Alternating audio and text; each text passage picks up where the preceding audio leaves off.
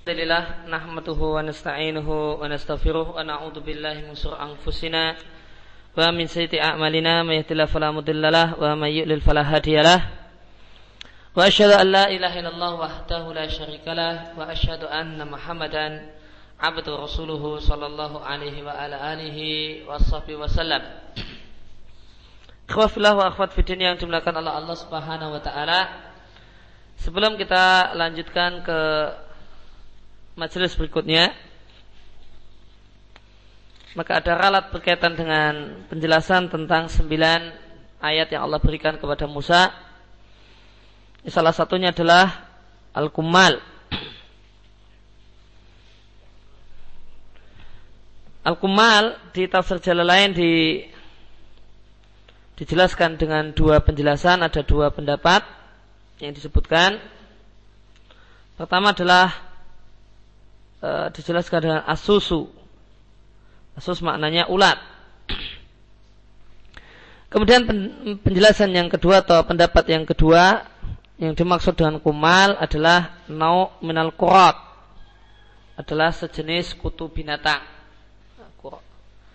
Kemarin kita sampaikan kera, namun kirdun itu beda dengan kurat. Kalau kirdun itu kera, kurat itu kutu. Yang ulat atau kutu ini kemudian memakan apa yang tersisa, apa yang masih tersisa dari apa yang ditinggalkan oleh belalang. Maka ada dua penjelasan, yaitu satu mengatakan kumal maknanya adalah ulat dan satu lagi mengatakan adalah sejenis kutu, yaitu kutu binatang. Kemudian kita lanjutkan dengan majelis berikutnya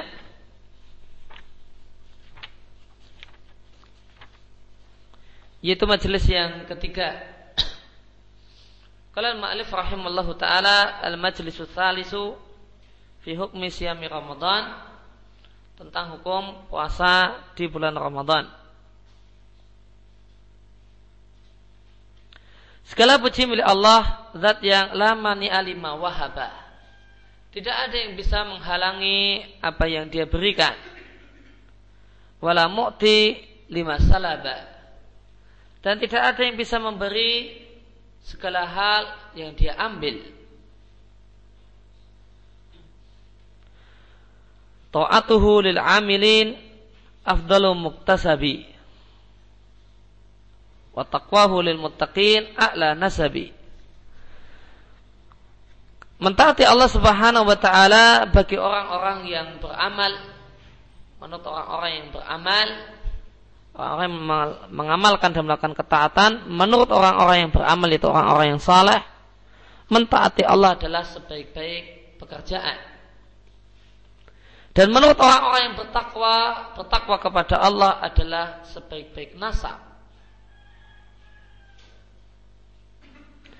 Hayya ali hayya akuluba auliyaihi lil imani wa kataba. Dan Allah Subhanahu wa taala menyiapkan dan kataba menetapkan mentakdirkan hati para kekasihnya untuk beriman. Dan Allah mudahkan untuk para kekasihnya fijani bitoatihi untuk mentaatinya kula nasabi semua kecapean, semua kepayahan oleh karena itu maka mereka para kekasih Allah Subhanahu wa taala tidaklah menjumpai fisabilil khidmatihi ketika mereka berkhidmat kepada Allah, ketika mereka mengabdi kepada Allah, mereka tidaklah merasakan adna ta'abi kecapean sedikit pun. Demikian juga Allah takdirkan celaka untuk orang-orang yang celaka Allah takdirkan kecelakaan ini ketika zarum mereka menyimpang. Maka terjumuslah mereka fil atobi dalam kebinasaan. Mereka berpaling dari Allah subhanahu wa ta'ala dan kufur kepada Allah. Maka Allah masukkan mereka naran ke dalam api. Data lahabi yang memiliki nyala. Dan aku memuji Allah subhanahu wa ta'ala atas anugerah yang Allah berikan kepada kami. Kepada kita min fadlihi wa wahabi wa, wa wahaba dari karunia-Nya dan apa yang wahaba Allah anugerahkan kepada kita. Dan aku bersaksi bahasanya tidak ada ilah yang berhak disembah melainkan Allah semata. Tiada sekutu baginya. Hazamal ahzaba yang dia adalah zat yang menghancurkan ahzab yang menghancurkan uh, kelompok-kelompok orang kafir yang hendak menghancurkan Islam. Semacam dalam perang Ahzab. Wa dan yang mengalahkan. Dan aku bersaksi bahasanya Muhammad adalah hamba Allah dan utusannya. Al-Aziz Tofahu yang Allah memilihnya. Wantakhoba dan memilihnya. Semoga Allah menyanjungnya demikian juga menyanjung sahabatnya yaitu Abu Bakar seorang yang al-faik, seorang yang unggul dalam berbagai keistimewaan warutabi dan seorang yang unggul dalam derajat di sisi Allah. Dan semoga Allah memuji Umar seorang yang farasyaitanu minhu wa haraba. Seorang yang setan pun lari waharabat dan lari darinya. Dan semoga Allah menyanjung Uthman seorang yang bergelar Dhunurain, pemilik dua cahaya, karena menikahi dua putri Nabi Sallallahu Alaihi Wasallam. At-taqi an-nakil hasabi seorang yang bertakwa dan seorang yang suci hasabnya. Hasab adalah kemuliaan nenek moyang. Demikian pula semoga Allah menyanjung Ali radhiallahu anhu yang merupakan menantu Nabi dan amak dan anak paman Nabi fin nasabi dalam nasabnya. Demikian juga semoga Allah menyanjung para sahabat yang lain yang telah memperoleh fiddin dalam agama a'la fakharin ala fakhrin kebanggaan yang paling tinggi wa muktasab dan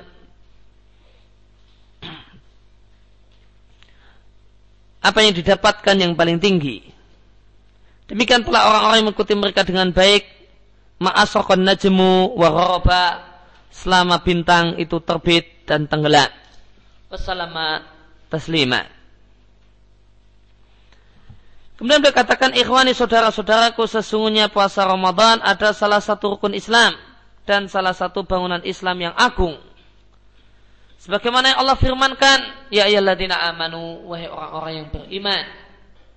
Kutiba alaikumusiyam diwajibkan kalian untuk berpuasa sebagaimana telah diwajibkan kepada orang-orang sebelum kalian.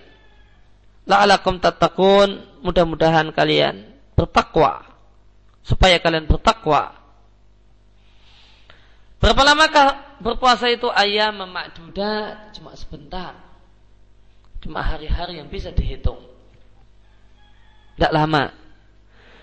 Famangkana minkum maridan maka siapa saja yang sakit di antara kalian atau safar atau bepergian lalu dia berbuka faidatum min ayamin ukhra maka ada kewajiban untuk mengganti iddah sebagaimana bilangan yang sama dari hari-hari yang lain. Wa 'alal ladina yutiqunahu dan untuk orang-orang yang kuat berpuasa. Fityatu ta'amu miskin maka boleh bayar fityah itu ngasih e, makanan untuk orang miskin.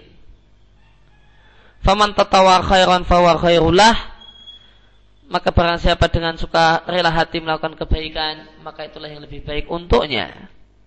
Wa antasumu khairul lakum dan jika kalian berpuasa maka itu yang lebih baik untuk kalian in kuntum ta'lamun jika kalian mengetahuinya.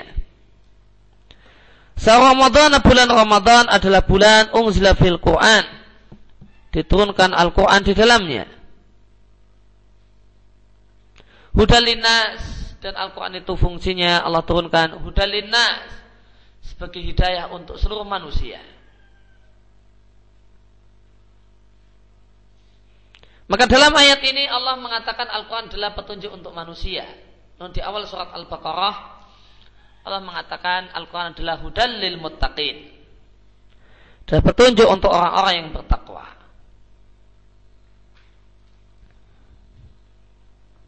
Kenapa beda? Jawabannya apa penjelasannya? Kata para ulama, Al-Quran itu adalah hudal linas, hidayah di sini adalah hidayah al-bayan. Adalah hidayah berupa menunjukkan mana yang baik dan manakah yang benar dan manakah yang keliru dan manakah yang salah. Karena hidayah itu ada dua macam. Ada hidayah yaitu hidayah bayan, hidayah penjelasan sehingga orang itu punya ilmu tentang hal apa sajakah yang baik dan hal apa sajakah yang buruk. Ini hidayah bayan. Dan hidayah jenis yang kedua adalah hidayah taufik itu hidayah kekuatan untuk melakukan ilmu yang benar. Untuk melaksanakan ilmu yang telah diketahui, ilmu yang benar yang dimiliki. Maka hidayah di ayat ini hudal linnas adalah hidayah bayan. Maka semua orang akan jika mempelajari Al-Quran maka dia akan mendapatkan pengetahuan tentang manakah yang baik dan manakah yang buruk. Namun di awal surat Al-Baqarah Allah mengatakan hudalil muttaqin. Petunjuk untuk orang-orang yang bertakwa. Maka hidayah di sini adalah hidayah taufik.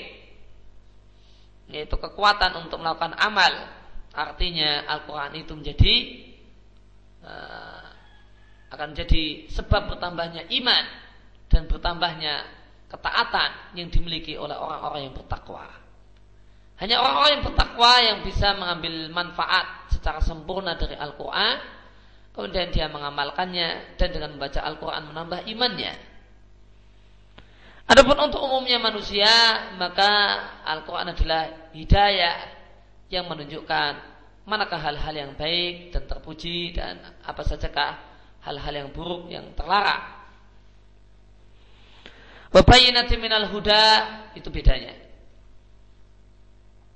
Maka hidayah di surat di ayat ini unzila fil Quran hudal linas adalah hidayah bayan.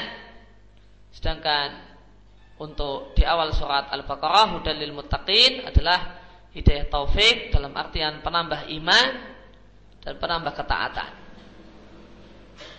Wa minal huda dan dia memberikan adalah bayinah bukti yang nyata minal huda dari petunjuk wal furqan dan yang membedakan antara manakah yang hak dan manakah yang batil.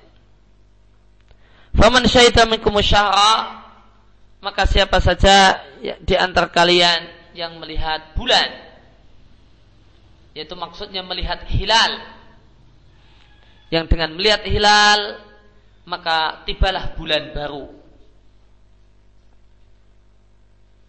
Faliyasu maka adalah dia berpuasa. Pemangkana maridon dan siapa yang sakit Aw ala safarin Atau bepergian Lalu dia berbuka Fa'idatun Maka diganti dengan bilangan yang sama min ayamin ukhar di hari-hari yang lain. Ya, demikian makna ayat ini menurut jumhur fukoha. Ya, siapa yang siapa yang sakit atau bepergian lalu berbuka. Ada tambahan. Lalu berbuka faidatu min ayami ukhra maka ada kewajiban untuk berpuasa di hari-hari yang lain sebanyak hari-hari yang ditinggalkan. Maka menurut jumhur fuqaha terdapat sisipan kata-kata lalu berbuka. Famangkana maritan aw ala safarin fa'aftara fa'iddatum min ayamin ukhra. Tidak sebagaimana pendapatnya Ibnu Hazm dan Tohiriyah yang mengatakan bahasanya orang yang sakit itu puasanya tidak sah. Dan orang yang bepergian itu puasanya tidak sah. Mau puasa mau tidak, pokoknya harus diganti di hari-hari yang lain.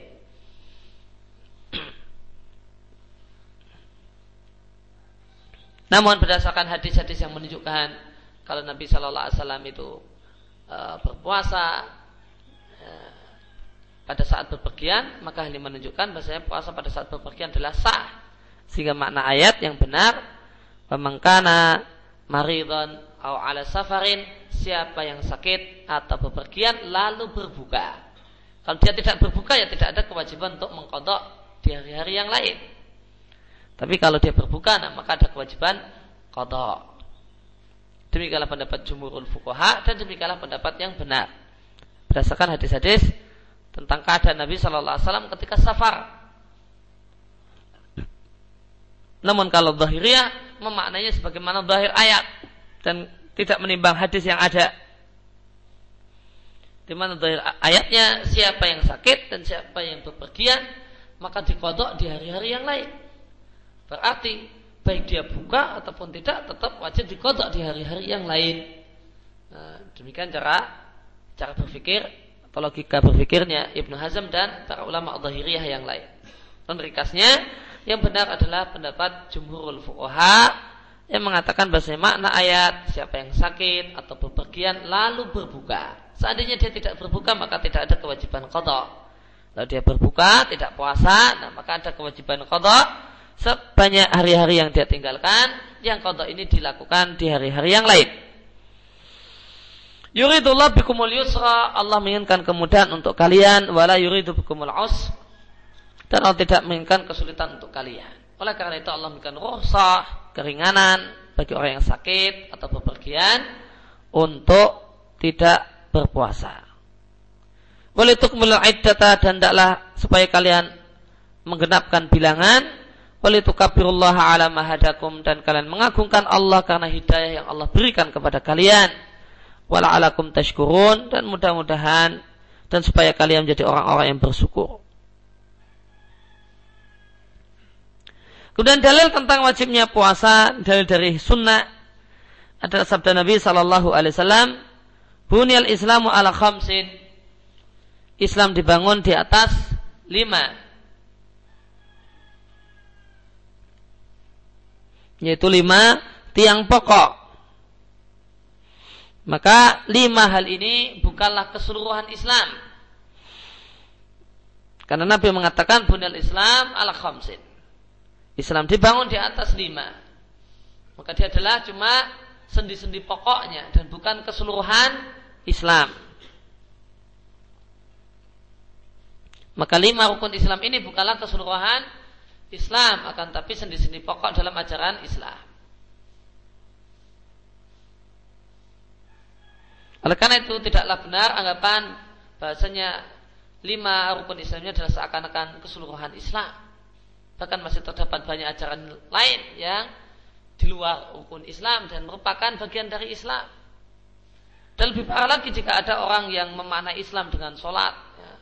Ya. Islam diterjemahkan isak subuh, luhur, asar, maghrib. Maka siapa yang telah sholat isak subuh, luhur, asar, maghrib, maka dia telah berislam. Nuta atiknya orang Jawa. Nggak ada luhur dalam bahasa Arab. Pakai L, uh, pakai lam.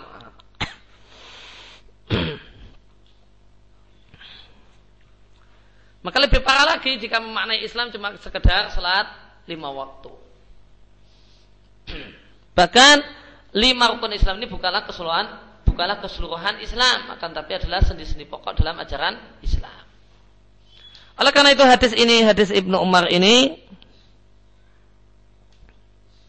adalah penjelas untuk hadis Jibril. Ketika Nabi Shallallahu Alaihi Wasallam ditanya oleh Jibril, akhirnya anil Islam, maka Nabi Shallallahu Alaihi Wasallam mengatakan al Islam, anta syada ilaha illallah dan seterusnya. Maka kalau melihat hadis Jibril, maka orang mungkin akan berkesimpulan bahwa lima rukun Islam itu adalah seluruh Islam. Karena Nabi Shallallahu Alaihi Wasallam ditanya, akhbirni anil Islam. Kabarkanlah kepadaku tentang apa itu Islam. Maka Nabi katakan al Islamu antasyhada alla ilaha illallah wa anna Muhammad Rasulullah wa tuqima salat dan seterusnya. Maka zahir hadis Jibril menunjukkan bahasanya lima rukun Islam adalah keseluruhan Islam. Namun zahir ini laisa bil murad bukanlah yang dimaksud, bukanlah yang diinginkan.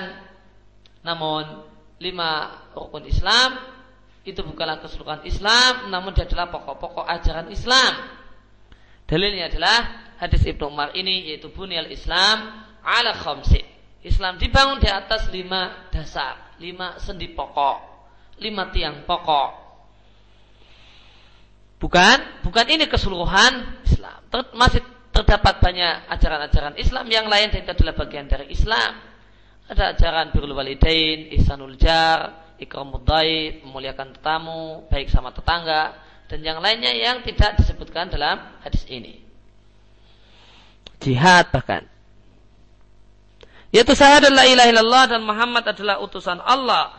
Menegakkan sholat, membayar zakat, berhaji ke Ka'bah, dan berpuasa Ramadan. Muttafaqun alaih. Wali muslimin dalam salah satu riwayatnya muslim disebutkan sama Ramadan, puasa Ramadan dan berhaji ke Ka'bah.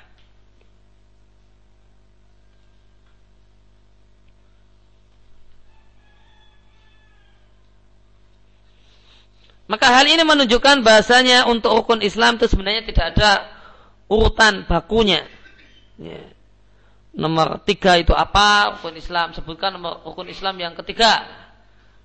Atau sebutkan rukun Islam yang keempat. Atau rukun Islam yang nomor lima. Di sini puasa Ramadan rukun Islam nomor lima. Puasa Ramadan di hadis yang awal hajil bait wa sami Ramadan maka rukun haji uh, rukun Islam yang kelima itu puasa Ramadan Kemudian kalau dalam salah satu ratnya Muslim, rukun Islam yang nomor empat itu siam Ramadan, yang nomor lima haji. Maka tidak ada aturan sebenarnya tidak ada aturan baku urutan baku untuk masalah ini. Yang jelas lima itu. Haji mau nomor empat ya boleh lah. Mau nomor lima juga tidak apa-apa. Uh, zakat nomor tiga itu juga tidak salah atau nomor empatnya adalah Ramadan, puasa Ramadan juga benar.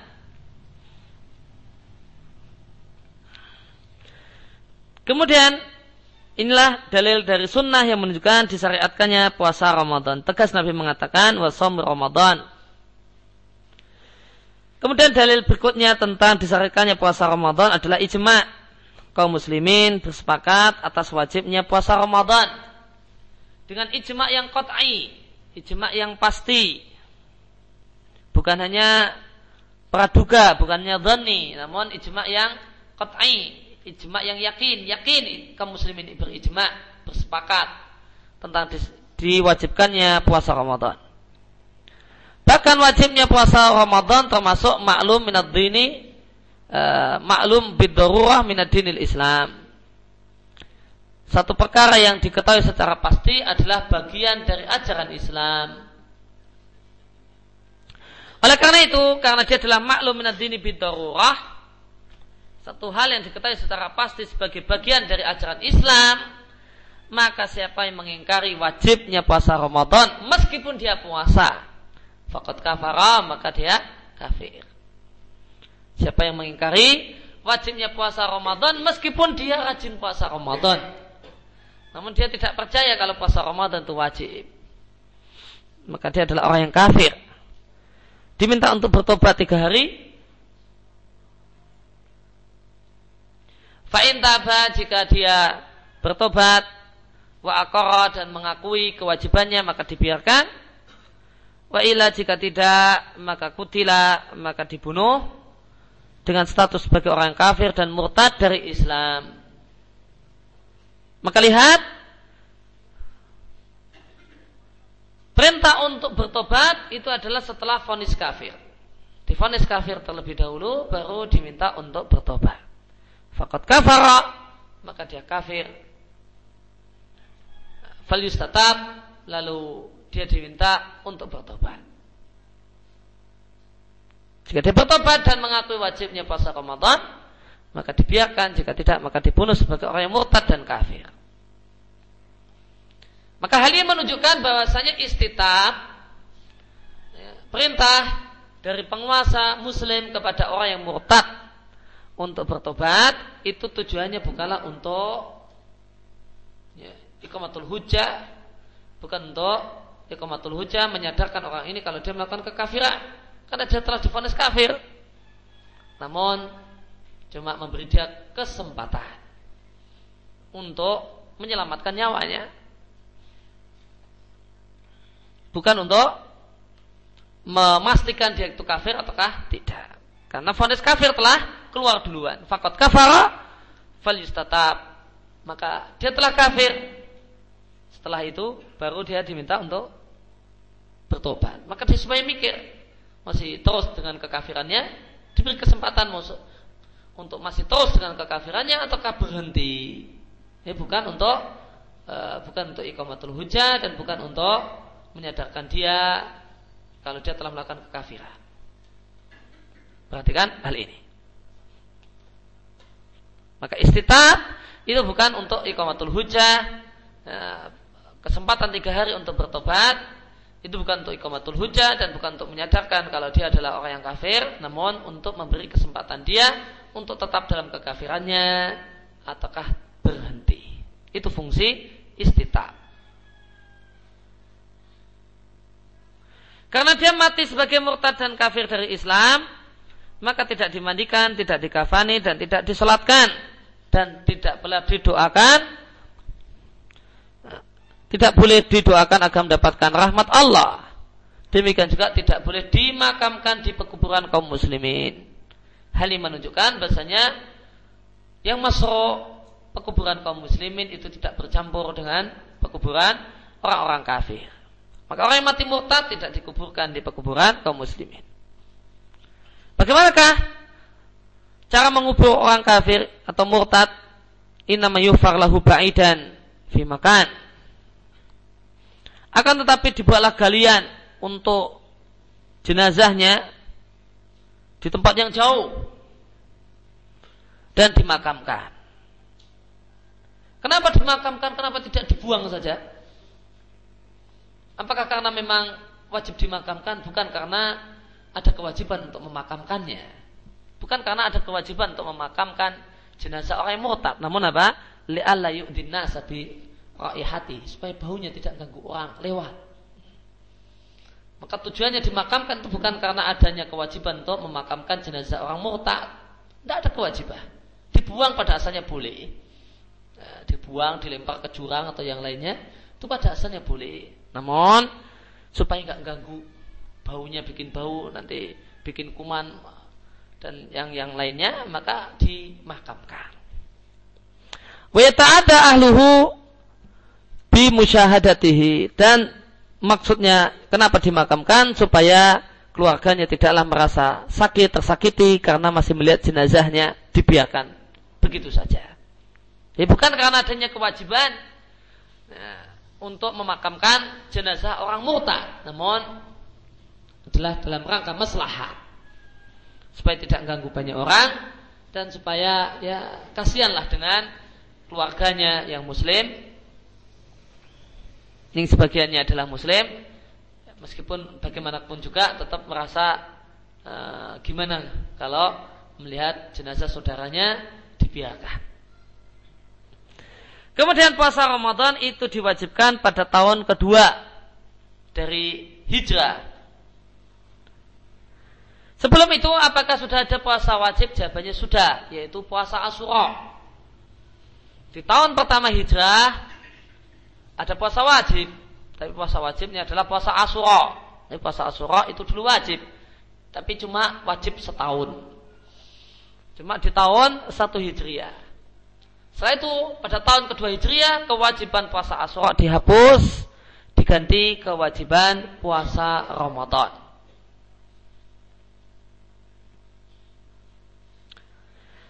Maka berpuasalah Rasulullah Sallallahu Alaihi Wasallam selama 9 tahun. Karena sejak tahun kedua dan Rasul itu 10 tahun di Madinah, maka Nabi berpuasa selama 9 tahun.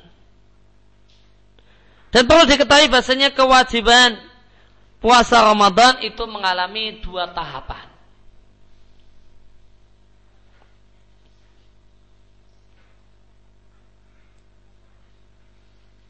Tahapan yang pertama adalah boleh milih antara puasa ataukah memberi makan. Ma'at tafdil namun diutamakan untuk berpuasa. Itulah yang dimaksudkan eh, dan ketika tahapan ini maka turunlah ayat inilah ayat ya ayyuhalladzina amanu kutiba alaikumusiyam sampai wa antasumu khairul lakum in kuntum. Ayat ini adalah ayat yang turun pada saat uh, pewajiban puasa Ramadan di fase yang pertama. Maka tadi dikatakan boleh boleh puasa dan boleh memberi makan. Orang yang kaya yang nggak mau puasa kemudian cuma mau ngasih makan sama orang miskin dan dia tidak puasa boleh ketika itu. Meskipun dia kuat puasa, tidak safar, tidak sakit, dia nggak mau cuma nggak lagi nggak pingin puasa, saya tak ngasih makan saja boleh ketika itu. Jadi itulah yang dimaksud dengan wa antasumu khairulakum in kuntum ta'lamun. Dan kalau kalian berpuasa itu yang lebih baik daripada tidak puasa dengan bayar fidyah. Kemudian fase yang kedua adalah ta'yin siam. Adalah diharuskannya puasa. Biduni takhir tanpa ada lagi hak memilih. Kalau fase yang pertama boleh milih. Mau puasa silahkan Mau nggak puasa kemudian bayar fidyah juga silahkan. Namun pilihannya cuma itu puasa atau bayar fidyah. Nggak boleh milih atau. Nggak boleh milih atau. Namun kalau nggak puasa maka bayar fidyah. Nah setelah itu fase yang kedua maka tidak ada lagi pilihan. Harus puasa. Tidak ada lagi pilihan. Dalil dua fase ini adalah oleh Bukhari dan Muslim dari Salamah Ibn Al-Aqwa radhiyallahu anhu. Qal beliau mengatakan Lama nazalat ketika turun ayat wa 'alal ladzina yutiqunahu fidyatun ta'amu miskin. Dan untuk orang-orang yang masih kuat puasa maka boleh dia tidak puasa asalkan membayar fidyah, memberi tebusan yaitu ta'amu miskin memberi makan untuk orang miskin. Maka pada saat ayat ini turun, kata Salamah bin Al-Aqwa, kana man arada ayuftira wa yaftadiya yakni fa'ala hatta nazalat al-ayatul lati ba'daha fanasakhatha maka pada saat ayat itu turun maka siapa yang ingin berbuka kemudian memilih fidyah maka boleh dia melakukannya sampai itulah ayat setelahnya dan ayat setelahnya ini menghapuskan ayat tadi. Yakni yang dimaksud ayat setelahnya, ayat yang menghapus adalah faman syahida minkum syahra falyasumhu wa man kana maridan aw ala safarin min ayamin ukhra. Nah, ayat ini itu menghapus ayat wa 'alal ladzina yutiqunahu fidyatun ta'amu miskin faman tatawwa khairan fa wa khairul lah wa antasumu khairul lakum in kuntum ta'lamun. Fa'aujaballahu siyama ainan biduni takhyirin. Maka pada saat itu Allah wajibkan puasa ainan ya, secara tegas tanpa ada hak memilih. Itu dua tahapan uh, kewajiban puasa. Demikian juga waktu waktu wajib puasa, waktu pelaksanaan puasa juga mengalami dua tahap.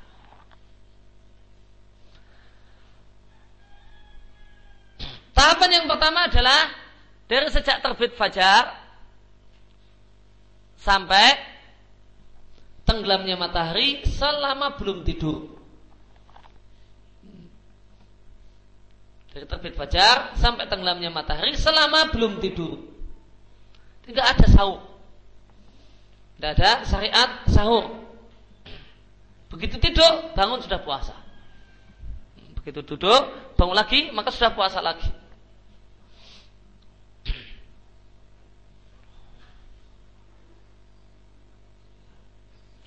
ada sahabat yang pingsan ya, pada saat ketentuan puasa itu masih semacam ini, yaitu berpuasa itu sampai tenggelamnya matahari selama belum tidur. Maka boleh makan. Begitu tidur, maka meskipun bangun jam 10 ya sudah, nggak boleh makan lagi sampai besok lagi. Nah, satu satu ketika ada sahabat yang seharian kecapean kerja uh, dan sore-sore dia pulang ketika waktu uh, waktu maghrib sudah tiba maka dia tanya sama istrinya apakah ada makanan? Ternyata nggak ada makanan. Sudah kecapean. Aja istrinya berjanji tolong tunggu sebentar saya tak carikan makanan.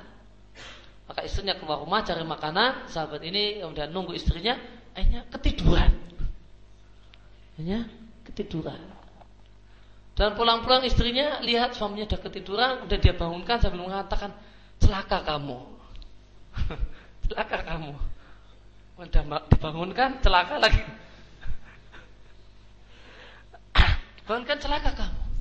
Kamu udah tidur, gimana? Ini mau makan, kamu belum makan, belum apa-apa. Akhirnya dia nggak makan, terus pagi, pagi harinya pingsan. Karena seharian seharian kemarin udah kerja keras, ya, udah kecapean, baru mau buka, baru niat buka, nunggu makanan, udah ketiduran, nggak bangun-bangun sudah harus puasa lagi. Pagi harinya jelas gak kuat dan pingsan. Hanya dilaporkanlah kepada Nabi Shallallahu Alaihi Wasallam dan setelah itu turunlah keringanan.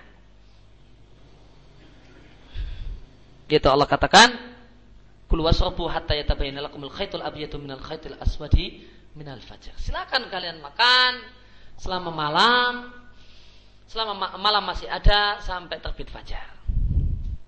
Nah, ini tahap kedua dalam masalah pelaksanaan puasa. Yaitu nah, dibolehkan makan minum selama malam hari selama ter terbit fajar belum fajar belum terbit. Ini fase yang kedua dari sisi waktu pelaksanaan puasa.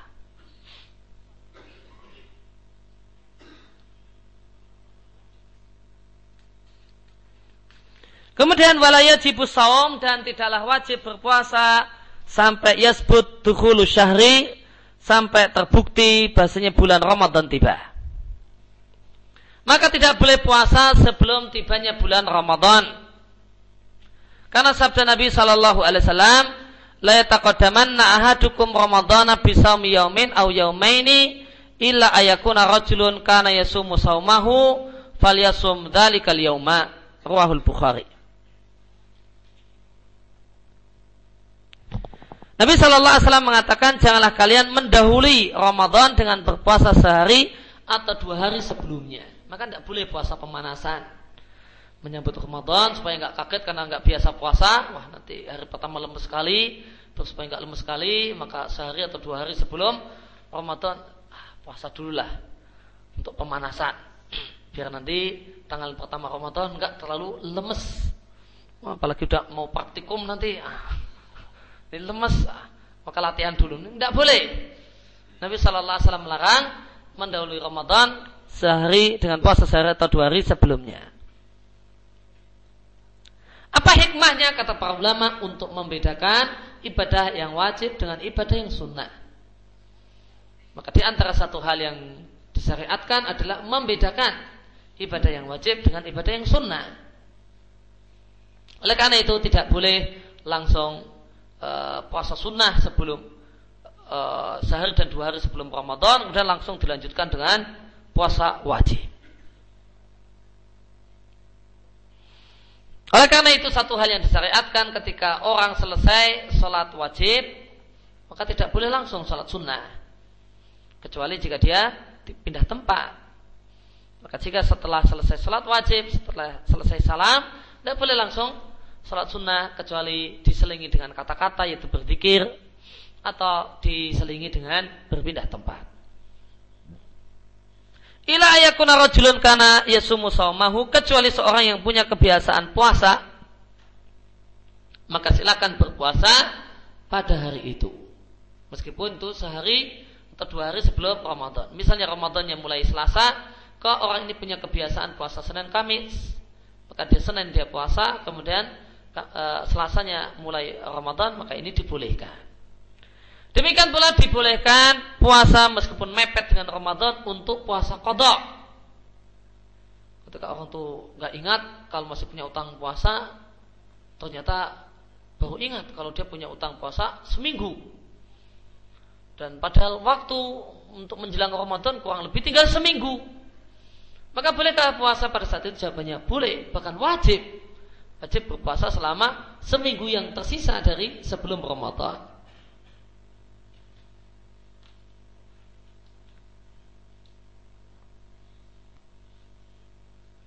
Hadis ini diriatkan oleh Bukhari. Wayukam dan diputuskan bahasanya bulan Ramadan itu tiba dengan salah satu dari dua perkara. Yang pertama adalah dengan melihat hilal. Dalilnya, faman syahida minkum syahra falyasumhu. Barang siapa yang di antara kalian melihat bulan, maka adalah dia berpuasa. Jika ada yang bertanya, Bukankah syahr itu adalah bulan yang abstrak? Syahr Dhul Syahrul Muharram, Syahrul Ramadan. Kenapa Allah katakan di sini faman syahida minkum syahra? Jawabannya yang dimaksud dengan asyahra di sini adalah al-hilal.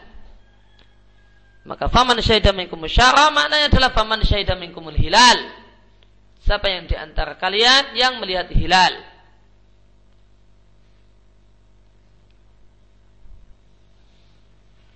Karena dengan terlihatnya hilal, maka dimulailah syahr. Pada asalnya syahr itu adalah bulan yang abstrak, bukan bulan yang konkret. Kalau bulan yang konkret itu komar atau hilal, itu bulan yang konkret. Bulan yang abstrak, syahr Ramadan, syahr Syawal, Dhul Qa'dah, Dhul Hijjah, Rabiul Awal, Rabiul Thani, itu syahr. Kenapa Allah mengatakan di famang caidamukum syahra? Penjelasannya, Asyahr di sini maknanya hilal. Kenapa Allah sebut dengan syahr hilal? Allah sebut dengan syahr karena dengan terlihatnya hilal maka dimulailah syahr. Falyasumhu maka adalah dia berpuasa. Ini dalil ayatnya. Sedangkan dalil hadis sabda Nabi sallallahu alaihi wasallam, "Idza ra'aitumul hilala fasumu." Jika kalian melihat hilal, maka silahkan berpuasa maka adalah kalian berpuasa. Muttafaqun alaih diatkan oleh Bukhari dan Muslim.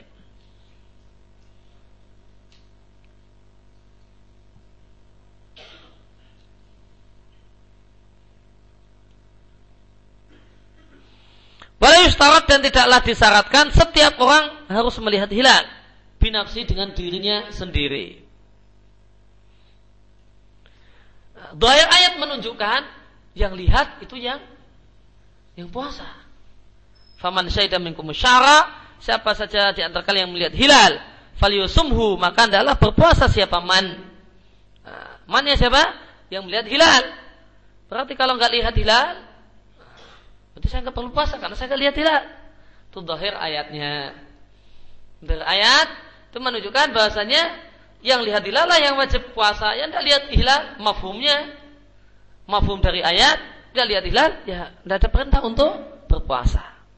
Namun tidak demikian maknanya. Dari mana dalilnya? Kalau tidak demikian maknanya, berdasarkan sunnah Nabi Sallallahu Alaihi Wasallam. Yang lihat cuma Ibnu Umar, yang lihat cuma siapa, Nabi perintahkan semua untuk puasa. Maka itu menunjukkan pentingnya sunnah untuk menjelaskan makna Al-Quran.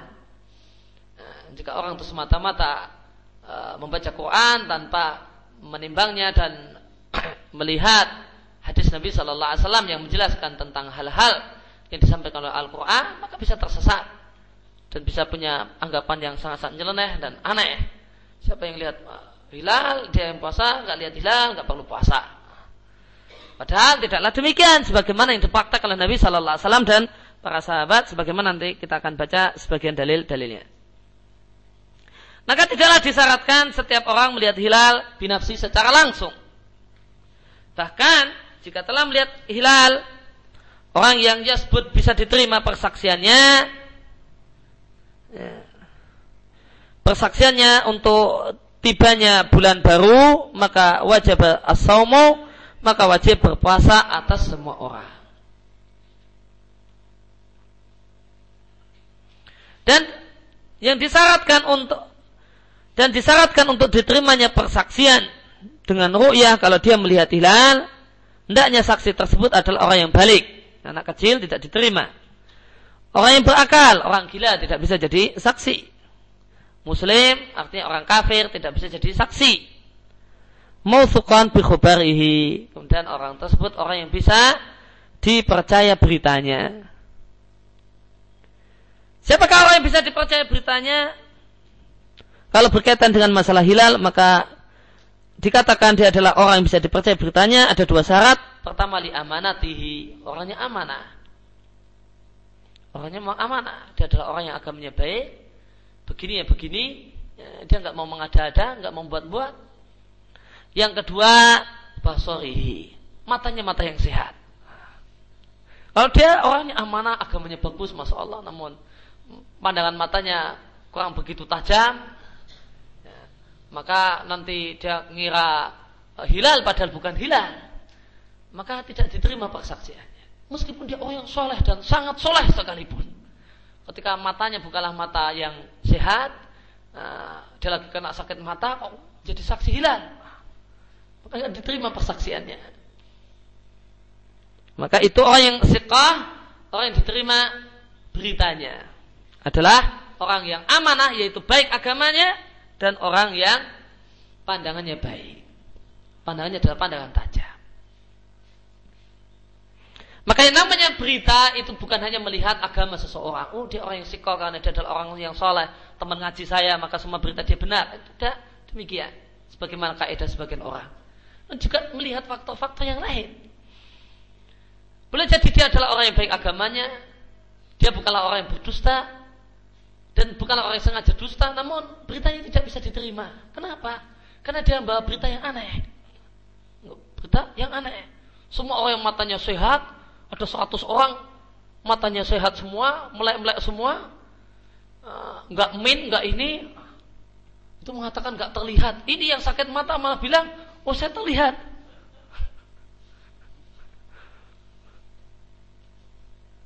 Maka ini khabar Maka berita ini berita yang aneh. Maka bisa uh, keadaan dia semacam ini bisa menjadi sebab berita yang tidak bisa diterima. Meskipun uh, dia orang yang sangat soleh sekali. Yang paling soleh. Di antara 100 orang itu meskipun dia adalah orang yang demikian. Maka kesalehan orang itu bukanlah jaminan mutlak 100% untuk diterimanya berita yang dibawa oleh seseorang. Maka juga melihat faktor-faktor yang lain. Semacam di sini dalam masalah berita hilal itu juga melihat faktor matanya indranya tidak hanya melihat kesolehan orangnya. Maka kesalahan orang itu bukanlah segalanya dalam masalah diterimanya berita. Ada juga faktor-faktor yang lain yang patut diperhatikan.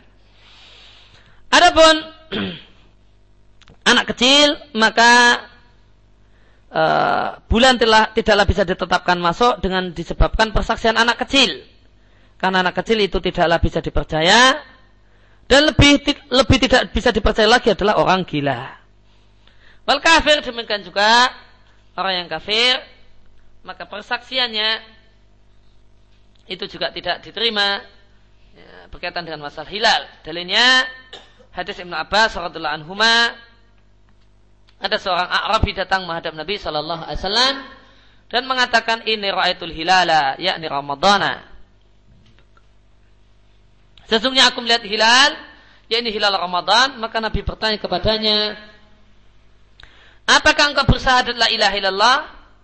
Faqala na'am. Maka dia pun mengatakan iya. Artinya dia muslim. Artinya Nabi mempersyaratkan keislaman sebagai syarat untuk diterimanya persaksian hilal. Kemudian Nabi bertanya apakah engkau bersaksi bahwa Muhammad adalah utusan Allah? Maka Nabi katakan iya. Nah, maka dia katakan iya. Maka, maka Nabi mengatakan, ya Bilal, adzin finnasi faliyasumu rodan.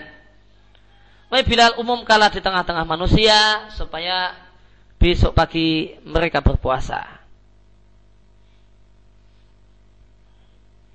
Namun hadis ini, eh, hadis ini dilihatkan oleh Khomsah, oleh lima imam hadis, itu Abu Dawud, Tirmidhi, Nasai, Ibnu Majah, kecuali Ahmad. Berarti eh, cuma empat ashabus sunan.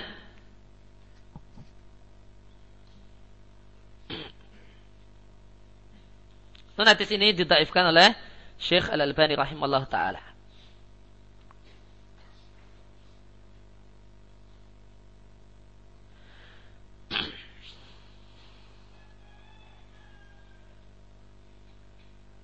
Demikian pula orang yang tidak bisa diterima beritanya.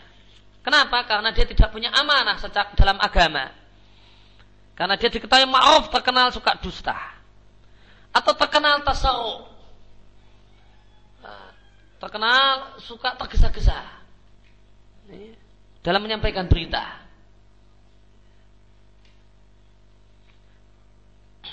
Maka lihat eh, tergesa-gesa itu adalah menyebabkan berita seseorang itu kurang bisa dipercaya. Orang yang terkenal suka tergesa-gesa dalam menyampaikan dan membawakan berita. Atau dia adalah seorang yang lemah pandangannya. Di mana tidak mungkin baginya melihat hilal. Maka bulan baru tidaklah bisa ditetapkan dengan persaksian orang ini karena diragu-ragukan karena diragukan kejujurannya atau ada kemungkinan besar dustanya.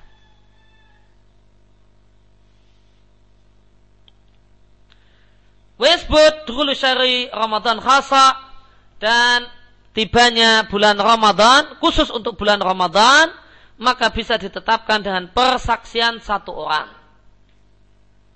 Khusus untuk penetapan bulan Ramadan maka bisa uh, ditetap, ditetapkan dengan persaksian satu orang. Dasarnya adalah perkataan Ibnu Umar radhiallahu anhuma beliau mengatakan taro'an nasu Banyak orang berusaha untuk melihat al-hilalah hilal. Fa'akhbartu Nabi sallallahu alaihi wasallam anni ra'aituhu.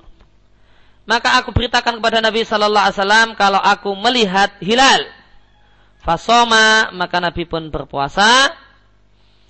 Wa amara nasa bisyamihi dan Nabi perintahkan manusia untuk berpuasa. Dia oleh Abu Dawud dan Al-Hakim dan kata Al-Hakim sahih menurut syarat Muslim.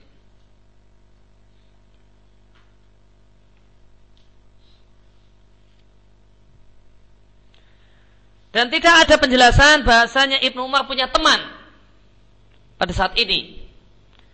Maka hal itu menunjukkan bahasanya Ibnu Umar sendirian. Maka disimpulkan untuk Ramadan maka bisa ditetapkan dengan persaksian satu orang.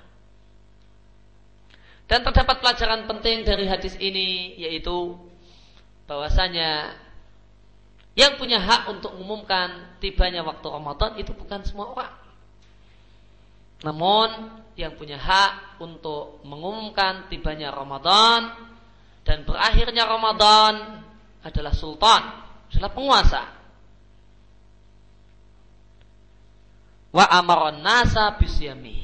Dan sudah Nabi perintahkan, Nabi umumkan dan Nabi perintahkan orang untuk berpuasa. Tidak semua orang itu punya hak untuk mengumumkan Ramadan. Ramadan tiba. Itu tidak hak, bukan hak semua orang. Demikian juga dalam hadis A'rafi tadi terdapat pelajaran sebagai penguat untuk tambahan untuk hadis Ibnu Umar. Nabi mengatakan pada Bilal, ya Bilal, adin finas. Bilal, umumkan. Siapa yang punya hak mengumumkan? Nabi.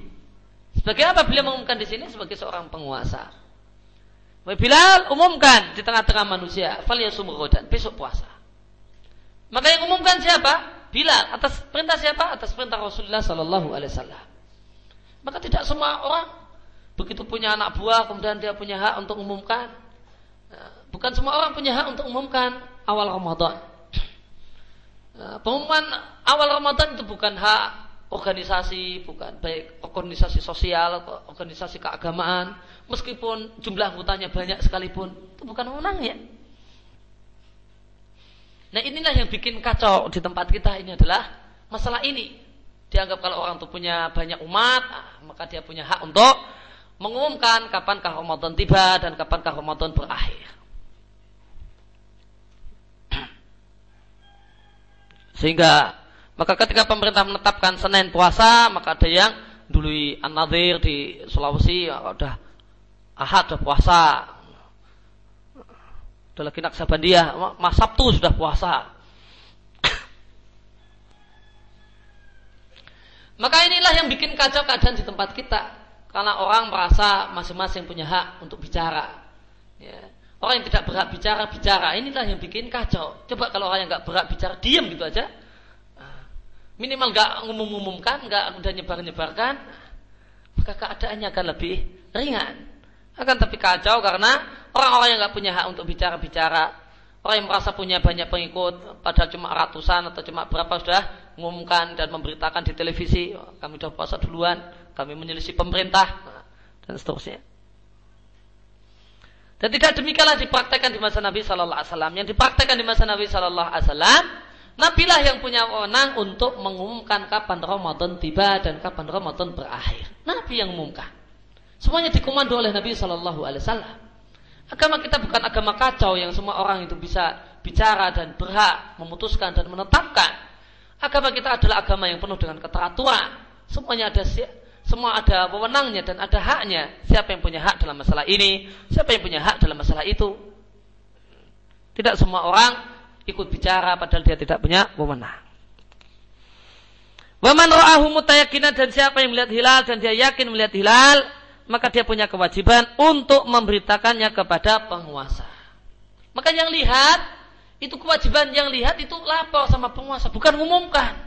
Dan nyebar-nyebarkan di SMS, telah terlihat hilal di Cakung, telah terlihat hilal di Tanjung Kodok, telah terlihat hilal di di Madura.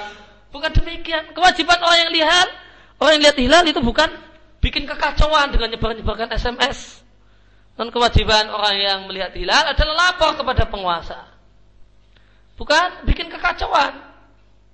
Dan nyebar-nyebarkan SMS uh, sehingga bikin orang bingung. Dan orang yang yakin pun jadi bingung, yang bingung pun tambah bingung lagi. Demikian pula orang yang melihat hilal sawal dan dul hijjah maka wajib dia untuk melapor kepada penguasa.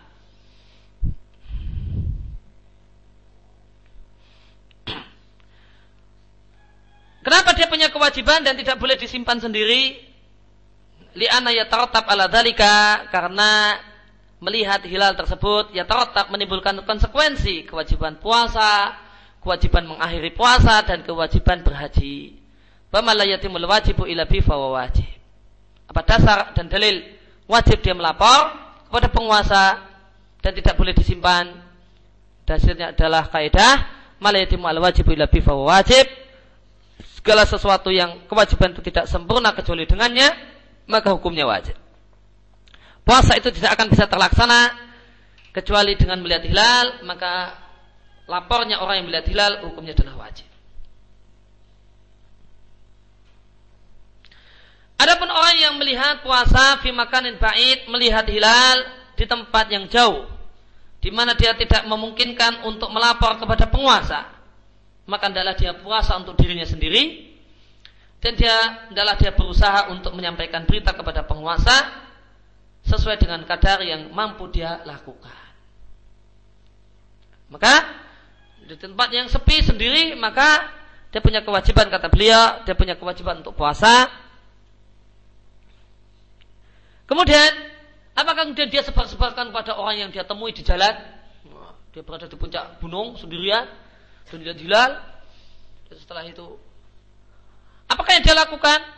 Kemudian dia sebar-sebarkan ke semua orang yang dilewati? Tidak. Kenapa? Dia punya kewajiban untuk menyampaikan berita ini kepada penguasa sebisa yang dia lakukan. Kemudian, wa idza u'lina thubutu syahri min kibalil hukumah maka jika telah diumumkan nah, subutus hari tibanya bulan baru min kibalil hukumah dan yang mengumumkan adalah pihak penguasa. Baik diumumkan dengan radio ataupun yang lainnya televisi ataupun yang lainnya maka wajib beramal dengannya untuk berkaitan dengan tibanya bulan Ramadan dan keluarnya bulan Ramadan. Baik itu untuk bulan Ramadan atau untuk bulan yang lain. Karena pengumuman penguasa pengumuman min kibalil hukumah yang diumumkan oleh penguasa adalah hujah syariah yang wajib diamalkan. Oleh karena itu Nabi Shallallahu Alaihi Wasallam memerintahkan Bilal untuk memberi pengumuman finas di tengah-tengah manusia. Mu'linan mengumumkan adanya bulan baru supaya manusia bisa berpuasa. Kapan Bilal mengumumkan hal ini? Hina sabata ingdahu sallallahu alaihi wasallam tukhuluhu. Ketika telah terbukti di sisi Nabi sallallahu alaihi wasallam bahasanya bulan baru tiba. Telah terbukti nyata di sisi Nabi bulan baru tiba, maka Nabi perintahkan Bilal untuk mengumumkan. Wa ja'ala dzalikal i'lama mulziman lahum bisyam. Dan Nabi Shallallahu Alaihi Wasallam menjadikan hal tersebut, pengumuman Bilal tersebut adalah mulzim, mengharuskan orang untuk berpuasa.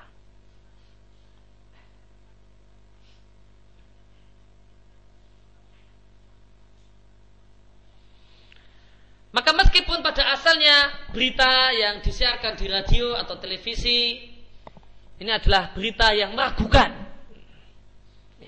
Karena yang nyampaikan adalah orang fasik. Yang nyampaikan orang fasik. Ya, pembawa berita, pembawa uh, berita di televisi uh, uh, yang tidak berjilbab, tidak berpakaian yang kemudian mengumumkan puasa pemerintah menetapkan kalau Ramadan itu jatuh dan dimulai puasa Ramadan dimulai besok Senin misalnya. Ini orangnya nggak berjilbab, perempuannya nggak berjilbab, ini orang fasik.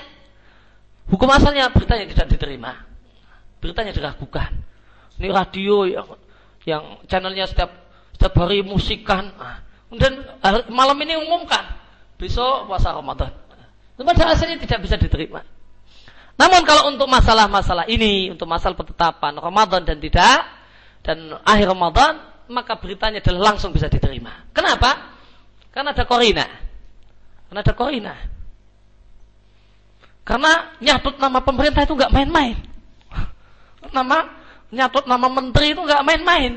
Itu bisa gulung tikar tuh televisinya kalau berani. Kok menteri agama mengumumkan bahasanya jatuh Ramadan mulai besok Senin. Padahal pemandang menteri agama besok Selasa. Itu siapa yang berani stasiun televisi yang berani mengumumkan semacam ini, itu bisa bahaya itu. Habis itu. Besok lagi nggak boleh siaran. Maka kontrol kontrol pemerintah dalam masalah ini adalah kuat. Maka pada asalnya berita orang fasik bisa, tidak bisa diterima. Namun karena di sini atau minimal meragukan tawakub berita orang fasik. Namun karena di sini ada indikator yaitu kontrol penguasa itu dalam masalah ini adalah kuat dan orang tuh nggak main-main catut nama menteri agama, nyatut nama pemerintah, atas nama sidang isbat dan sebagainya. Orang tuh nggak main-main. Maka meskipun maka di sini berita orang fasik diterima.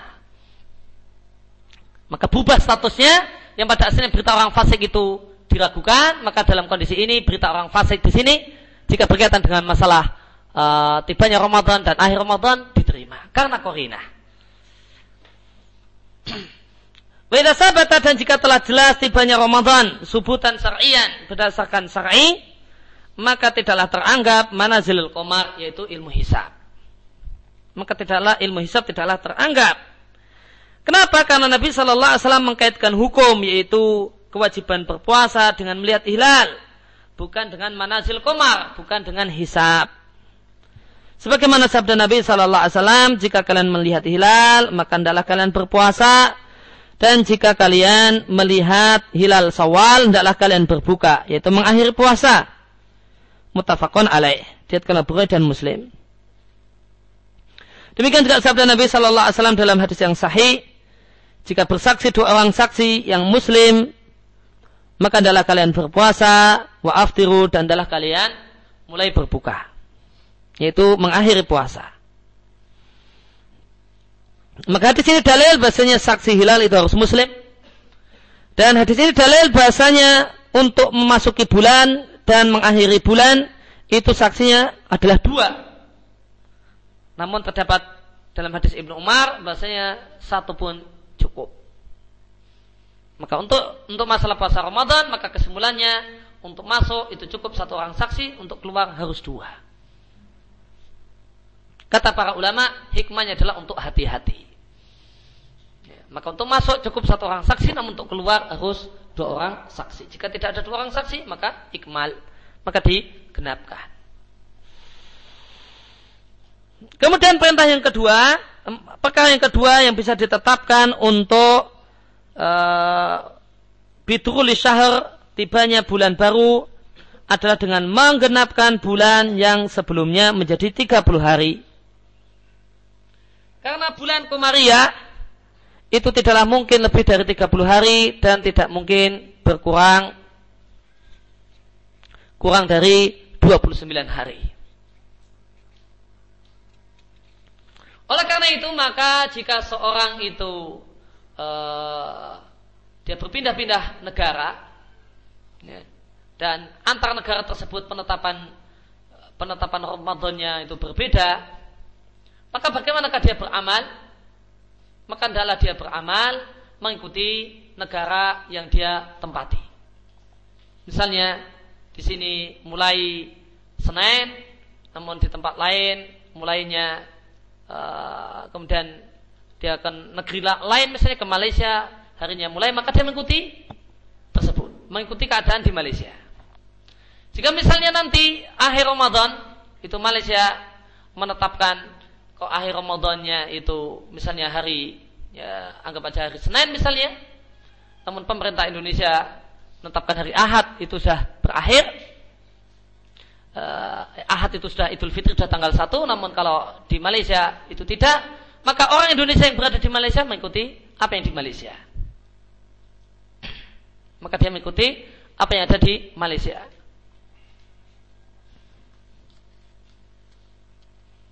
dan jika ternyata misalnya karena keadaan yang berbeda-beda ternyata orang ini pertama kali dia di Indonesia dia puasa beberapa hari kemudian ke Malaysia dan ternyata setelah dia pindah di Malaysia puasanya jika mengikuti Malaysia cuma 28 hari. Maka dia mengikuti Malaysia dengan berpuasa 28 hari, namun setelah nanti Sawal dia puasa tambah satu hari lagi. Karena bulan itu tidak lepas dari 29. Minimal 29. Dan gimana kalau dia pertama kali puasa di Indonesia kemudian pindah ke Malaysia malah jadi 31 atau jadi 31 hari, maka jawabannya dia berpuasa 31 hari. Demikian difatwakan oleh Syekh Abdul Aziz Ibnu Bas rahimahullah taala. Maka dia mengikuti Malaysia meskipun puasanya jadi 31 hari. Karena bulan itu jalan berkurang tidak lebih dari 30 hari dan tidaklah kurang dari 29 hari.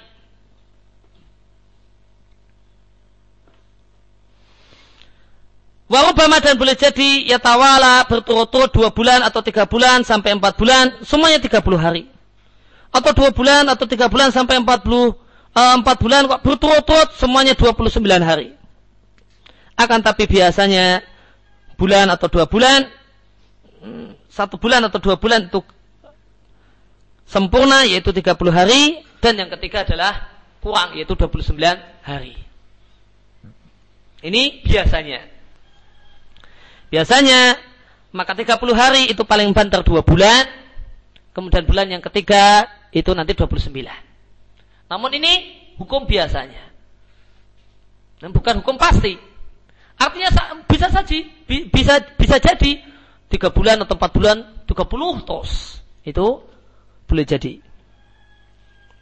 Maka jika telah genap bulan yang lewat bulan sebelumnya itu salatina yauman 30 hari maka diputuskan secara syar'i tibanya bulan berikutnya meskipun hilal tidak terlihat.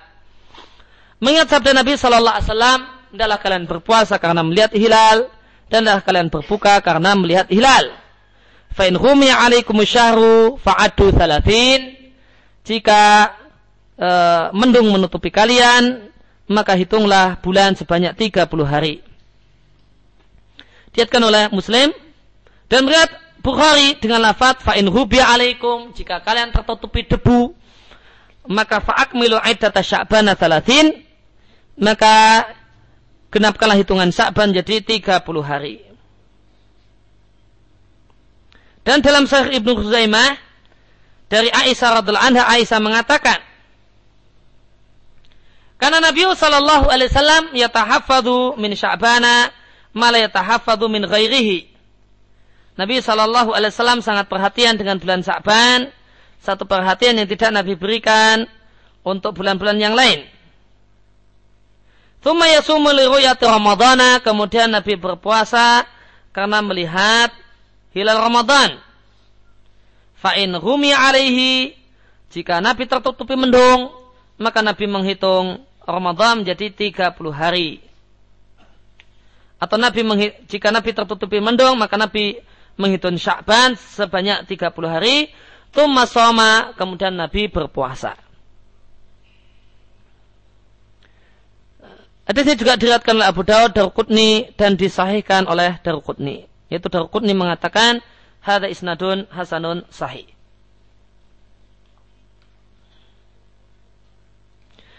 Maka dengan hadis-hadis tadi jelaslah bahwasanya tidaklah puasa Ramadan itu dilakukan sebelum terlihatnya hilal.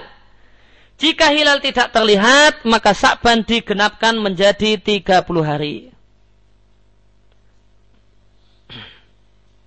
Dan tidak boleh berpuasa pada tanggal 30. pada tanggal 30 Sya'ban. Baik malam 30-nya adalah terang, tidak ada mendung, ataukah ghaiman, ataukah mendung. Karena perkataan sahabat Ammar bin Yasir radhiallahu anhu beliau mengatakan man soma al yauma alladhi yushakku fihi faqad asa abal qasim. Barang siapa yang berpuasa pada hari ini yaitu hari yang diragukan maka dia telah durhaka kepada Abul Qasim kepada Muhammad sallallahu alaihi wasallam. Diatkanlah Abu Dawud, Tirmidzi dan Nasai dan disebutkan oleh Bukhari secara muallak yaitu tanpa sanad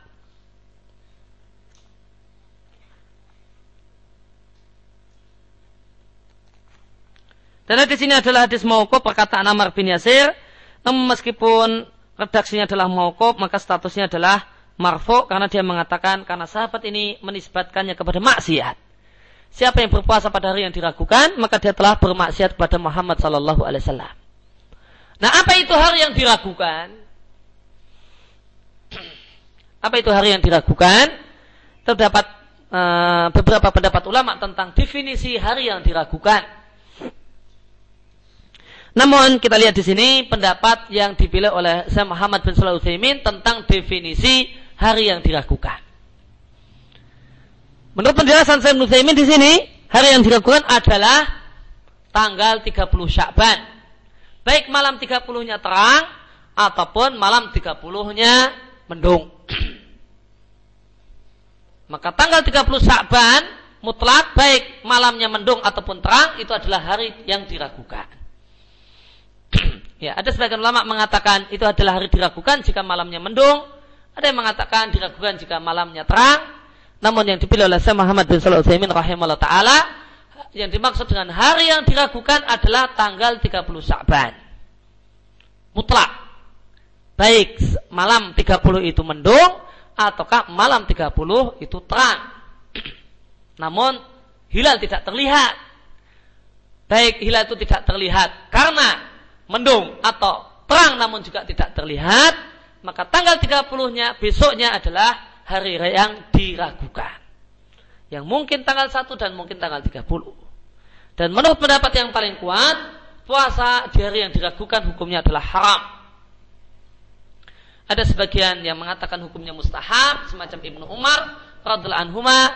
Namun pendapat yang benar adalah pendapat jumhurul ulama yang mengatakan bahasanya puasa pada hari diragukan hukumnya adalah haram. Maka itulah dua cara penetapan tibanya bulan Ramadan dan berakhirnya Ramadan. Jika tidak dengan melihat hilal karena adanya saksi hilal yang bisa diterima adalah dengan ikmal. Dengan cara digenapkan jadi 30 hari. Dan tidak terdapat cara yang ketiga yaitu dengan menggunakan hisab. Bahkan menggunakan hisab adalah satu hal yang uh, dihukum oleh para ulama sebagai bid'ah dan satu hal yang tidak dikenal di masa salaf. Sebagaimana dikatakan oleh Syekhul Islam Ibnu Taimiyah bahasanya tidak ada penggunaan hisab untuk menentukan awal Ramadan dan akhir Ramadan sampai tahun 300 Hijriah. Baru setelah tahun 300 Hijriah ya, setelah tahun 300 Hijriah baru ada sebagian ulama yang berpendapat membolehkan membolehkan untuk ahli hisab. Ya bukan tukang rokok ya. Membolehkan ahli hisab pakar hisab untuk beramal dengan hisabnya. Untuk beramal dengan hisabnya. Namun untuk dirinya sendiri tidak untuk orang lain. Dan itu pada saat hari mendung. Malam tanggal 30 mendung. Malam 30 kok mendung kemudian perhitungan hisab ini sudah uh, hilal sudah terlihat, maka sebagian fukoha ketika itu membolehkan untuk ahli hisab ini untuk besok berpuasa dengan keyakinan besok ada tanggal 1. Namun khusus cuma untuk ahli hisab ini tidak untuk yang lain dan tidak untuk disebarkan kepada yang lain. Cuma, cuma untuk dirinya sendiri. Itu muncul setelah pendapat ini, ini pun muncul setelah tahun 300-an. Sebelum itu tidak ada. Dan perlu diketahui bahasanya hisab sudah ada di masa Nabi Shallallahu Alaihi Wasallam, namun Nabi Shallallahu Alaihi Wasallam tidak menggunakannya. Maka ini menunjukkan bahasanya memang satu-satunya cara untuk menetapkan awalnya Ramadan dan akhir Ramadan adalah hilal. Nah, jika memungkinkan dan jika tidak adalah ikmal dengan menggenapkan bulan yang lewat sebanyak 30 hari.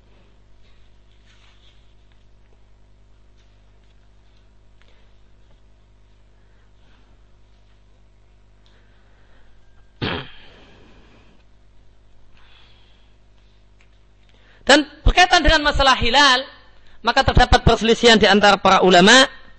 Apa apa yang dimaksud hilal? Apakah hilal itu adalah fenomena alam? Apakah hilal itu adalah semata-mata fenomena alam? Ataukah fenomena alam dan fenomena sosial? Pendapat yang benar yang dirajakan oleh Syekhul Islam Ibn Taimiyah rahimahullah taala di Majmu' Fatawa bahwasanya hilal itu bukan hanya semata-mata fenomena alam.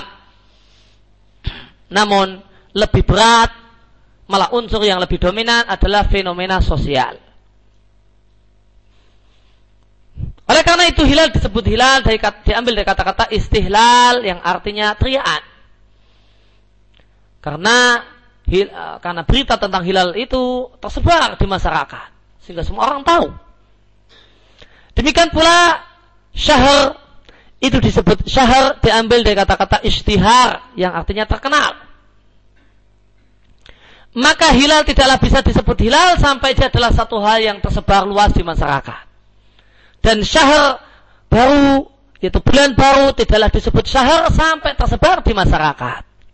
Sampai tersebar di masyarakat. Jika hilal itu cuma diketahui dan diyakini munculnya oleh beberapa kelintir orang, maka ini tidak bisa disebut hilal. Oleh karena itu maka berita datangnya syahr yang baru yaitu bulan baru tidaklah bisa ditetap, ditetapkan dan diyakini bulan baru telah tiba jika itu cuma keyakinan beberapa gelintir orang yang tidak diyakini oleh umumnya orang.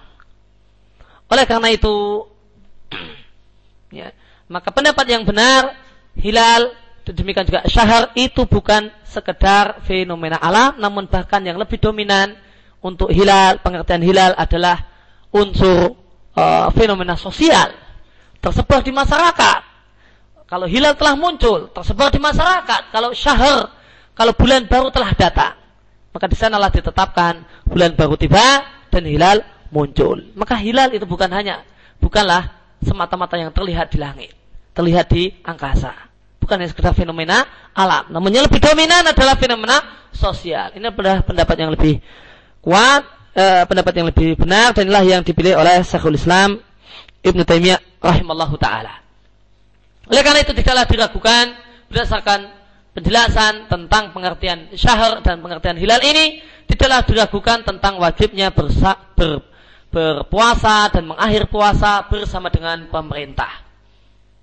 Karena ini karena supaya hilal itu menjadi sebuah fenomena masyarakat, demikian juga syahar itu jadi fenomena masyarakat, maka yang menentukan yang yang punya yang memegang kendali dalam masalah ini adalah keputusan pemerintah.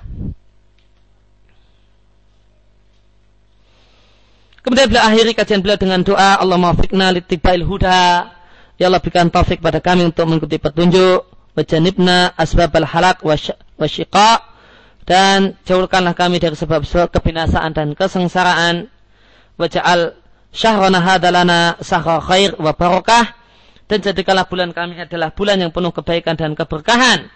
Wa inna fihi ala ta'atika dan bantulah kami untuk taat kepadamu wa janibna turuqa ma'siyatika dan jauhkanlah kami dari jalan-jalan bermaksiat kepadamu. Waghfir lana wali walidaina wali jamil muslimin birahmatika ya arhamar rahimin. Wa sallallahu wasallam ala nabiyina Muhammadin wa ala alihi wa ashabihi wa tabi'ina bi ihsanin ila.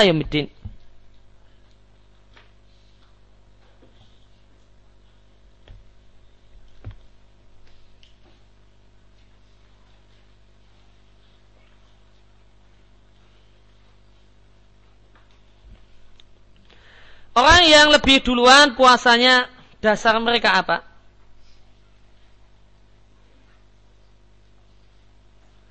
Karena bedanya selalu satu hari dengan pemerintah bukan dua hari atau tiga hari. Tidak benar kalau dikatakan bedanya cuma satu hari, bukan dua hari dan tiga hari. Untuk tahun ini, ya, ya an, apa? Naksabandiyah di Padang uh, dan di tempat yang lainnya telah berpuasa sejak hari Sabtu maka dua hari, bahkan ada juga tiga hari.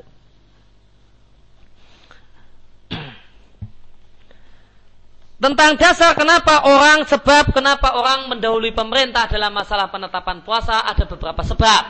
Pertama, ada orang yang dasarnya adalah ruyah internasional. Dia tidak menerima ruyah lokal. Dan terlihat katanya di Saudi atau di tempat yang lain telah terlihat hilal. Maka mereka berpuasa dengan dasar ini.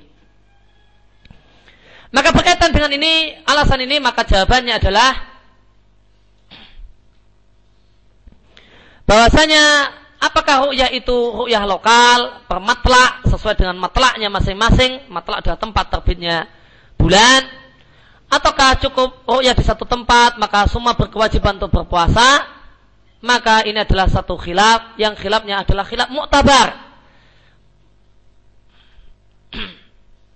Semisal saya Abdul Aziz bin Bas rahimahullah ta'ala beliau memilih ru'yah internasional, akan tapi berkaitan dengan ru'yah lokal beliau mengatakan ini pun juga pendapat yang cukup kuat. Maka dua pendapat ini apakah ru'yah internasional atau ru'yah lokal, maka dua pendapat yang kuat dan berkaitan bahasanya puasa adalah ibadah bersama-sama, maka berlakulah kaidah bahasanya amrul imam yarfa'ul khilaf. Istihadul imam yarfa'ul khilaf Istihad yang dipilih oleh imam, oleh penguasa itu menghilangkan perbedaan pendapat. Karena ini adalah ibadah bersama-sama, maka apa yang jadi pilihan penguasa itu menghilangkan perbedaan. Maka jika ada orang yang memilih untuk lebih mantap ru'yah internasional, akan tetapi penguasanya, semisal penguasa kita di tempat kita memilih untuk ru'yah lokal, maka adalah beramal dengan ru'yah lokal sebagaimana yang ditetapkan oleh penguasa. Demikian juga sebaliknya jika penguasa negerinya adalah memilih ru'yah internasional dan ada seorang yang lebih mantap dengan ru'yah lokal, maka dia punya kewajiban untuk beramal dengan apa yang ditetapkan oleh penguasa. Karena amrul imam yarfa'ul khilaf. Karena kaidah yang ma'ruf dalam uh, dalam ilmu fikih bahasanya istihad imam dalam masalah-masalah kebersamaan dalam ibadah-ibadah kebersamaan semacam ini itu menghilangkan perbedaan pendapat. Yang kedua, ada yang beralasan karena telah terlihat hilal. Ada yang telah terlihat hilal di Cakung atau di Tanjung Kodo atau di uh, di Madura. Uh, padahal uh, kemudian ini tidak diterima di oleh penguasa dan penguasa tidak mensahkan uh, persaksiannya. Maka berkaitan dengan masalah ini, maka memang ada khilaf di antara ulama bagaimanakah orang yang melihat hilal? Sendirian kemudian melapor penguasa dan tidak diterima. Sebagian ulama mengatakan dia berpuasa namun sembunyi-sembunyi. Sembunyi.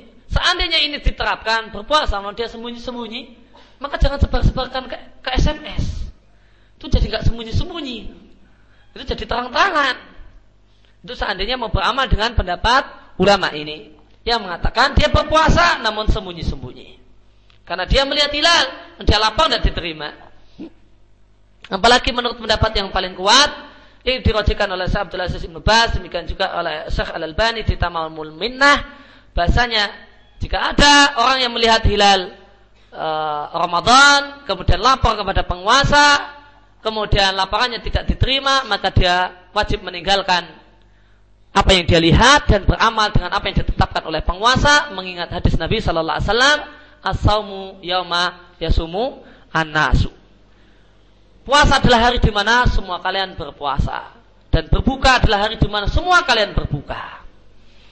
Oleh karena itu berdasarkan hal tersebut, maka pendapat yang tepat, pendapat yang rajih dan ada nas dalam hal ini nah, dan kita wajib mengikuti nas yang ada, maka wajib untuk mengikuti apa yang ditetapkan oleh penguasa meskipun kita lihat hilal sendiri ketika persaksian kita tidak diterima.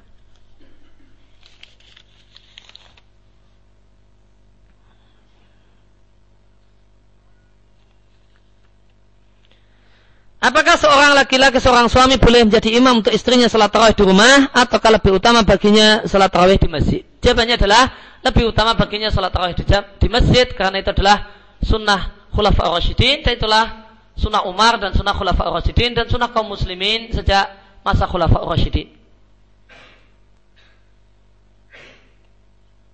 Adapun perempuan maka dia boleh ke masjid asalkan memenuhi adab-adab ke masjid ataupun jika dia di rumah maka wabuyutuhunna khairun lahunna sesungguhnya rumah-rumah mereka lebih baik bagi mereka dan mereka sholat tarawih sendirian di di rumah insya Allah adalah lebih afdal daripada mereka pergi ke masjid namun seandainya mereka pergi ke masjid asalkan adab-adabnya diperhatikan hukumnya juga dibolehkan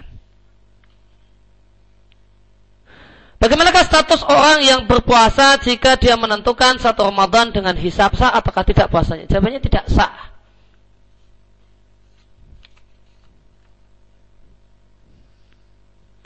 Misalnya dia menentukan berdasarkan hisab, ya, e, lebih dulu dengan apa yang ditetapkan oleh penguasa, maka atau dia belakangan penguasa menetapkan Senin misalnya, kemudian berdasarkan hisab dia, kemudian dia beramal di jatuh Selasa, maka dia e, maka punya kewajiban untuk mengkodok satu hari yang dia tinggalkan.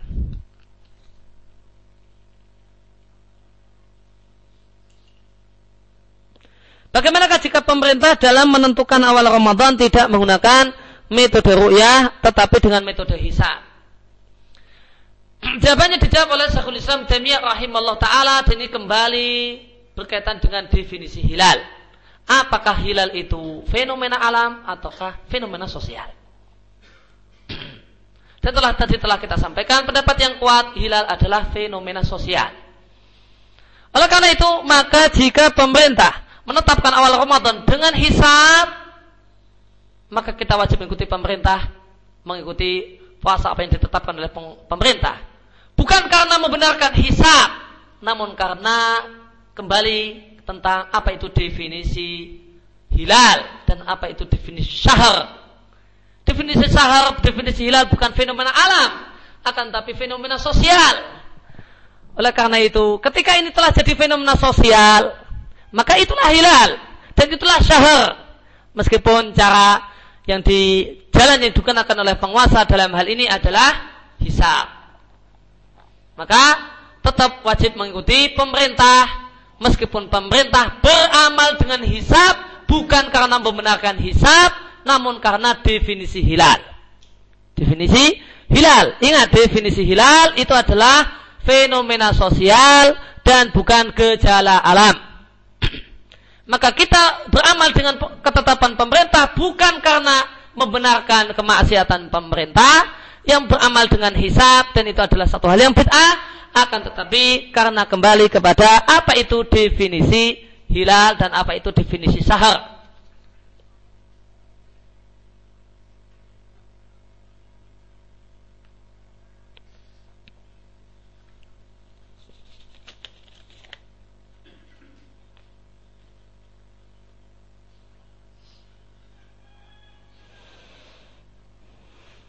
Bagaimanakah kriteria orang miskin yang berhak menerima fidyah? Allah cuma katakan fidyatun to'amu miskin. Asal dia adalah orang miskin, maka dia berhak untuk mendapatkan fidyah.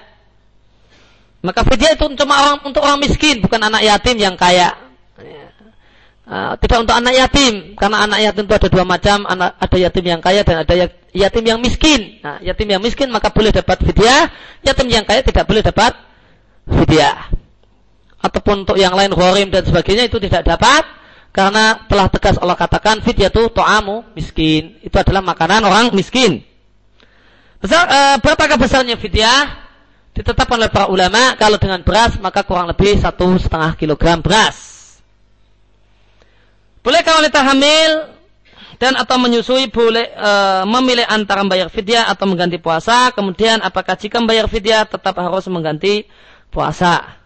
Telah kita bahas dalam pertemuan yang lewat dan nanti juga insya Allah akan kita bahas. Ringkasnya terdapat khilaf di antara para ulama dalam hal ini.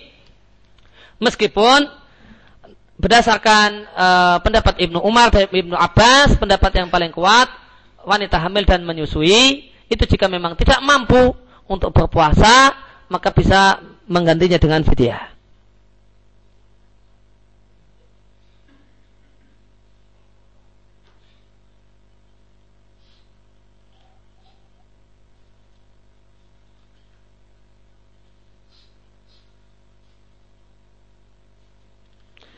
Sering dijumpai ceramah setelah subuh pada bulan Ramadan dilaksanakan beberapa saat setelah salam salat subuh akibatnya zikir belum selesai dibaca tetapi penceramah sudah mulai, e, penceramah sudah mulai berceramah. Manakah sikap yang lebih tepat?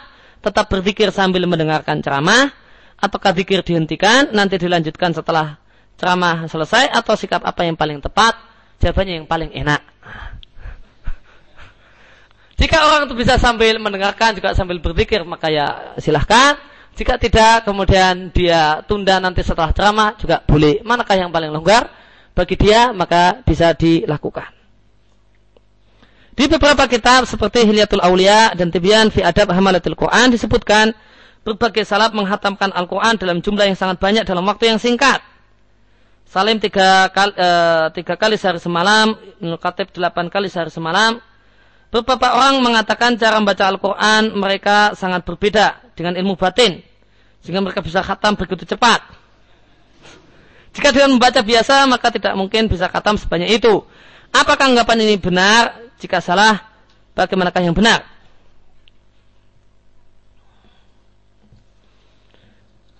Nah, anggapan bahasanya mereka seandainya riwayatnya adalah sahih dari mereka bahasanya mereka sehari semalam ada yang khatam tiga kali.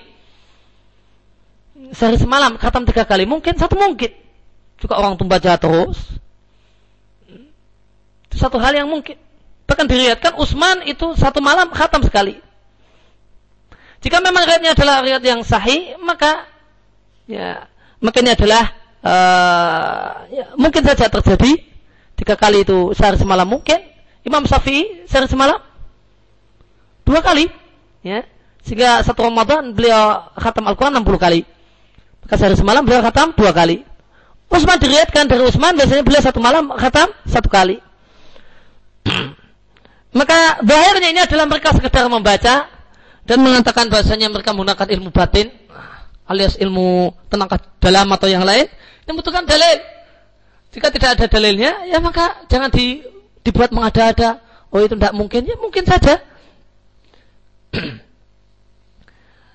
Namun jika mungkin seperti ini, Ibnu Khatib katanya 8 kali sehari semalam, maka perlu dicek kebenaran, keabsahan riwayatnya. Jika kita mau berdalil, jika ini sudah riwayat salaf ini mau dijadikan sebagai dalil, maka perlu dicek kebenaran riwayatnya. Apakah memang sahih beliau 80 kali, eh, 8 kali dalam sehari semalam? Jika tidak maka pada maka siapa yang mengklaim mereka pakai ilmu batin maka perlu dalil. Apa dalil kalau mereka pakai ilmu batin? Dari mana kok tahu mereka pakai ilmu batin padahal antaramu dengan mereka jaraknya uh, beratus-ratus tahun yang lewat. Dari mana kamu tahu kalau mereka pakai ilmu batin? Apakah jadilan termasuk termasuk acara kesyirikan? Gimana susunan acara jadilan tuh? saya nggak tahu saya. Kalau memang ada di sana unsur, uh, setahu saya di sana memasukkan jin, ada pawang, ada dukun, maka di sini ada peran serta dukun uh, dan sebagainya, maka jelas ini hal-hal yang berbau kesyirikan. Namun untuk mengatakan pastinya syirik ya perlu dilihat bagaimanakah susunan acara jadilan. Dan apa saja yang terjadi pada saat jadilan tersebut.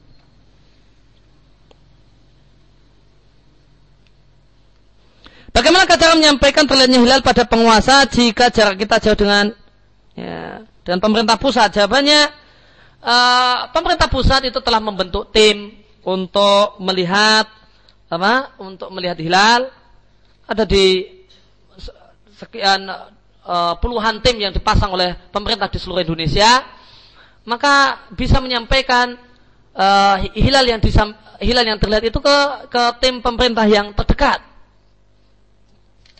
Itu caranya.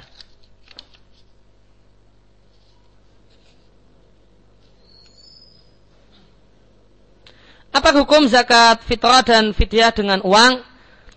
Uh, zakat uh, tidak boleh dengan uang karena Allah mengatakan fidyatun ta'amu miskin.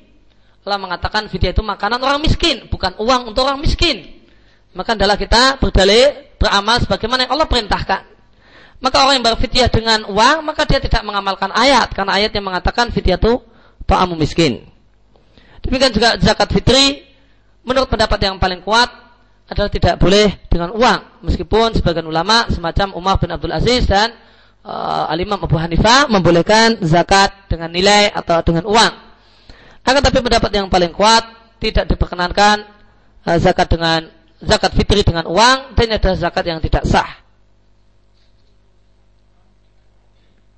Karena ada uang di masa Nabi Shallallahu Alaihi Wasallam, Nabi dan para sahabat tidak pernah membayar zakat fitri dengan uang. Padahal ada dinar dan ada dirham. Dan ini adalah dalil yang sangat kuat menunjukkan tidak disyariatkannya hal ini. Seandainya ini disyariatkan dan dibolehkan, tentu sebagian sahabat ada yang cari praktis, terutama yang kaya-kaya, nah, cepat cuma menyerahkan uang selesai. Namun ternyata tidak kita jumpai demikian itu. Bagaimanakah jika tidak mendengar pengumuman pemerintah tentang pengumuman awal Ramadan dan tidak melihat hilal sendiri? Ini pertanyaan yang tidak perlu ditanyakan karena ini adalah pertanyaan yang mustahil di zaman ini. ini adalah pertanyaan yang tidak wakii, tidak realistis. Siapakah contohnya orang yang tidak mendengar berita, nggak punya radio, nggak punya ini, uh, sehingga nggak tahu pemerintah kapan umumkan awal puasa, lihat juga nggak bisa lihat. Nah, ini nggak realistis. Maka pertanyaan yang tidak perlu ditanyakan.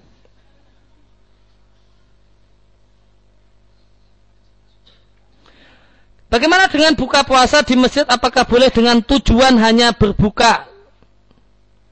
Lalu ke masjid yang ada uh, dan yang menyediakan buka puasa.